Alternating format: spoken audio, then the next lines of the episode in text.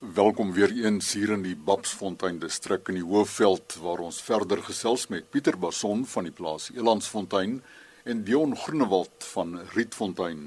Dion, jy het gesê jy het 12 jaar gelede met een besluit om oor te skakel na geen bewerking of nou til. Het jy slapelose nagte gehad oor daardie besluit? Nee, ek het die besluit geneem, ek het ek is 'n tipe persoon as ek 'n besluit neem, dan klim ek in en ek hou daarby. Uh daar was al uitdagings.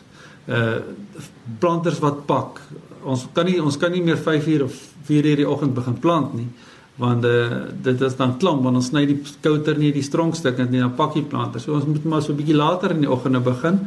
Maar ons kan baie later weer aan in die aan aangaan. Maar die ander voordeel wees weer is ons kan baie min reën begin plant. Uh ons kan met 'n minder as 20 mm kan ons plant want die lande hoef nou nie weer omgewerk te word waar daar vog verlore gaan nie. Uh waar my buurman dan nog moet werk en dan moet hy wag vir die volgende reënwy kan ons aanhou plant. En daar was tye wat hy moet ophou dat dit droog raak. Maar as dit dan weer reën, dan kan ek plant en my buurman gaan ophou plant na 'n sekere hoeveelheid dae wat die grond te droog raak en dan kan ek nog vir 2 weke lank plant. Ja, ja, veral in daai besondere droë jaar kon ons vanweë die geenbewerkingsstelsel vroeër begin plant en met die minder reën oor die piekperiode heen wat dit tog wel 'n bietjie gereën het, kon ons daai oestafel wat ons van gepraat het. Maar Chris, daar's 'n ander saak wat ek net wil byhaal. Uh die demografiese scenario vir ons land is sodanig dat as alles normaal verloop gaan ons binne die volgende 10 jaar baie meer mense in hierdie land hê heelwat bo 50 miljoen wat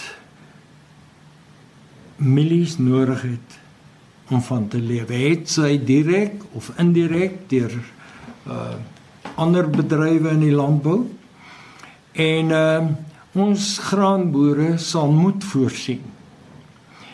Hierdie innovasie uh, waaroor ons gepraat het. Maak vir ons opgewonde. Uh nie net koste gewys nie, maar potensieel gewys uh per uh opbrengs gewys. En ehm uh, daar's nie baie ander uh moontlikhede wat ontwikkel kan word as behalwe beter saad, beter onkruiddoder ensvoorts ens. Maar ek bedoel wat die boer self kan doen om volhoubaar te produseer en meer te produseer. Nie want die grond word nie meer nie. Ek glo dit verdien om na gekyk te word.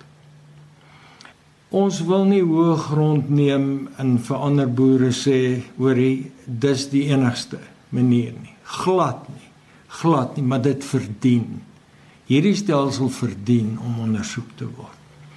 En gelukkig, gelukkig as daar mense soos Odeon hulle wat voorgaan in die saak en mens hoef nie net te raai meer om dit te probeer nie.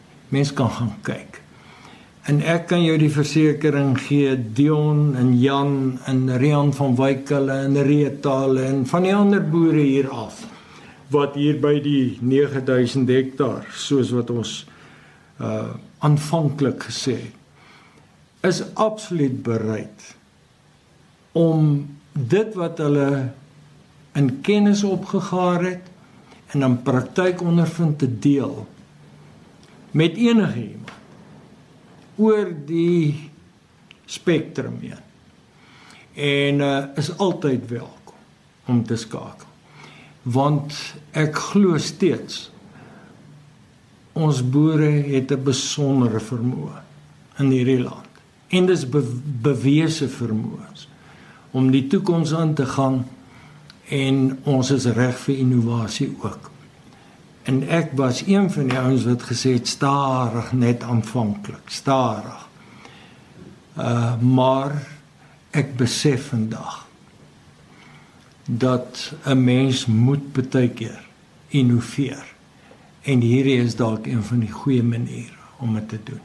Nee, ek glo daar's nog baie dinge wat kan gebeur. Uh ek dink ons is maar in die beginstadium van van waar ons wil wees. Ehm um, ons het nie die navorsing deel nie, so daar's mense wat baie navorsing daarom trend, ja. maar ek dink die deklaag deel is of die dekgewas is op hierdie stadium een van die belangrikste faktore. Uh dis al bewys ons wat dit voluit toepas is bewys dat dit definitief effek het. Ou die idee dat daar in die wind as daar winter in die winter iets op die lande is, hy gaan die bietjie vog wat daar oor is onttrek, maar is net die teenoorgestelde. Ehm um, waar daar dekgewasse is, is die opbrengste net beter. So ek dink die groot navorsing op hierdie stadium gaan oor dekgewasse en die groot dinge wat moet gebeur gaan rondom dekgewasse. Ek kan net ook noem dat ehm um, ons het verlede jaar uit van die kunsmismaatskappye by ons grondontledings geneem. Ons het spesifiek getoets vir koolstof uh Suid-Afrika het basies geen koolstof aan ons gronde en ons is nie so gelukkig as die Amerikaners en die uh ouens in Suid-Amerika nie. Maar my gronde het van hulle het oor 1% koolstof ingehaal. Na 12 jaar se se se geen bewerking nie. So ek dink dis 'n groot ding om na te kyk. Ons moet koolstof bewaar in ons grond. En wat sê 'n geen bewerking spesialis Dr. Johan Strauss, volhoubare produksiestelsels navorser op Elsenburg en 2017 se Wes-Kaap Landboukundige van die jaar. In terme van die dekgewasse, dis iets wat ons ook nou in die Wes-Kaap nou mee, mee speel om te kyk wat werk vir ons en wat werk nie. Dit is vir ons baie moeilik byvoorbeeld in in die Swartland om ons om 'n dekgewas te hê in die somer as 'n tussengewas. Ehm um, maar daar is net eenvoudig nie reën nie. So as jy gelukkig is om 'n bietjie vog te hê om op te kry, gaan hy aanval nie baie hoog groei nie. So ons kyk na alternatiewe in terme van hoe my dekgewas dalk binne in ons rotasies wisselbou in te sluit. En dis iets wat my half opgeval het ook um, in terme van die mielie soja rotasie. Wat baie goed is is die feit dat daar 'n peelplant in is. Glo ferm daaraan dat daar moet 'n peelplant in jou wisselboustelsel wees. Eintlik korte ou dalk nog ten minste een gewas in daai rotasie om dit om dit net bietjie meer divers te maak.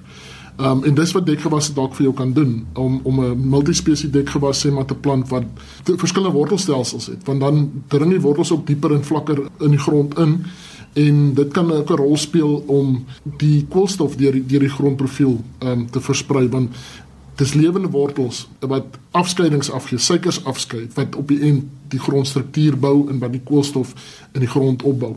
So daai lewende wortel en hoe langer ou lewende wortels in die grond kan hê, hoe beter is dit vir daai koolstof se opbou want ons moet onthou elke koolstofmolekuul kan rondweg 7 keer sy eie lig um, sy eie gewig in water vashou. En dit is iets wat ons ook gesien het, stelselmatig met die verbetering van ons van ons koolstof in die grond. En ons het self ook van 'n baie lae basis af begin. En as jy nou gaan kyk met die verbeterings, is dit nog steeds nie baie hoog nie. Wissel so tussen 1.4 en 2 van die kampe, maar dis ook na 22 jaar ons kan dit sien in terme van die vog voghou vermoë van die grond wat beter is. En in 'n droë jaar soos laas jaar wat ons hier ervaar het dat ons nog steeds 2.4 ton gemiddeld afhaal, waarvan die beste een 3.3 ton was in in op langgemens in die Swartland waar ons bitter min reën gehad het en selfs in die Suid-Kaap ook. In terme van die fosfaat Dis 'n moeilike een. Ons ons sukkel maar self en wonder self daaroor. Alhoewel ons het al gewys dit stadig maar seker beweeg die fosfaat deur die profiel die grootste konsentrasie gaan maar altyd in die boergrond wees as jy nie bewerking doen nie. Maar as mens regtig gaan dink, is dit waar die meeste van die aksie plaasvind. Dis waar die mikroorganismes hulle hulle job doen. Daar is dieper op mikroorganismes wat werk, maar hulle werk in ander omstandighede. Maar dis 'n moeilike ene in terme van dekgewasse. Gary Treitsman van die LNR saam met um, Dr. Hendrik Smit van Graan SA, die fasiliteerder van van bewaringslandbou daar by, by hulle doen hulle baie baie goeie werk by Ottosdal en en in Ryds in terme van dekgewasse. Dit is regtig belangrik dat ons daai grondgesondheid opbou. Want op die einde is dit die mikroorganismes wat vir ons ons voedingsstowwe bymekaar maak. En mielies en byvoorbeeld sonneblom is baie lief vir mikoriza, um, wat 'n swam is wat aan die wortelstelsel bin, wat goed soos fosfaat kan losmaak, wat water kan haal in, in poree wat gewone plant se wortels nie kan ingaan nie om daai goed geborge te hou eh, of die grond so maak dat daai swam sy werk kan doen uh, in daai kombinasie met die met die, die plant se wortels gaan nuwe goed vir ons ontsluit in terme van minder insette want die goed is al daar. Fosfaat bou op in grond. As ons elke jaar fosfaat gooi bou baie op oor tyd. Hy gaan daai bietjie gebruik met hy raak gemobiliseer in die grond maar hy mikrorizas kan hom losmaak. So ons moet begin ons in ons visie verander om na hierdie tipe goed te gaan kyk. En met 'n konvensionele stelsel gaan dit in geval nie werk want die werk het dood. So ek ek is baie positief oor ons twee sprekers wat voor my gepraat het. Ek sal hulle baie baie graag wil besoek om te kyk wat hulle op die plaasvlak doen. Dit is baie interessant die opmerking wat Dion gemaak het heel in die begin ons boer met vog. Dit is waar. Ons het nou dag daaroor ook in so 'n gesprek getree daaroor en dit is ongelooflik om te sien in ons langtermynproewe wat wat ons die bewaringslandbou prinsipe toepas. Die eerste proef het in 96 begin en hy was vir die eerste paar jaar nog minimum bewerking vir 6 jaar voor ons 'n geen bewerking planter kon gekoop het.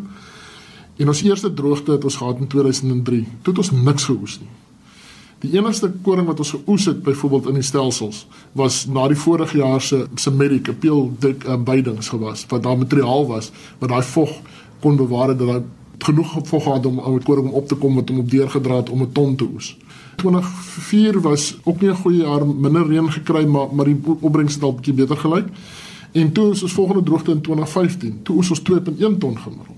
En nou het ons in 2017 weer een gehad en ons het 2.4 ton gemiddeld geoes. Ongelukkig as jy 100 minder as 100 mm reën kry, want hulle sê rowwe geplant het so 100 uh, koringplant byvoorbeeld het so 110 mm nodig om van 'n kieming deur te vat tot hy saad maak om te reproduseer. Dan praat ons nie van 'n oes nie. Hy maak dit saad om homself te kan voortplant enigiets bo dit begin jy eintlik eers bou aan jou opbrengs.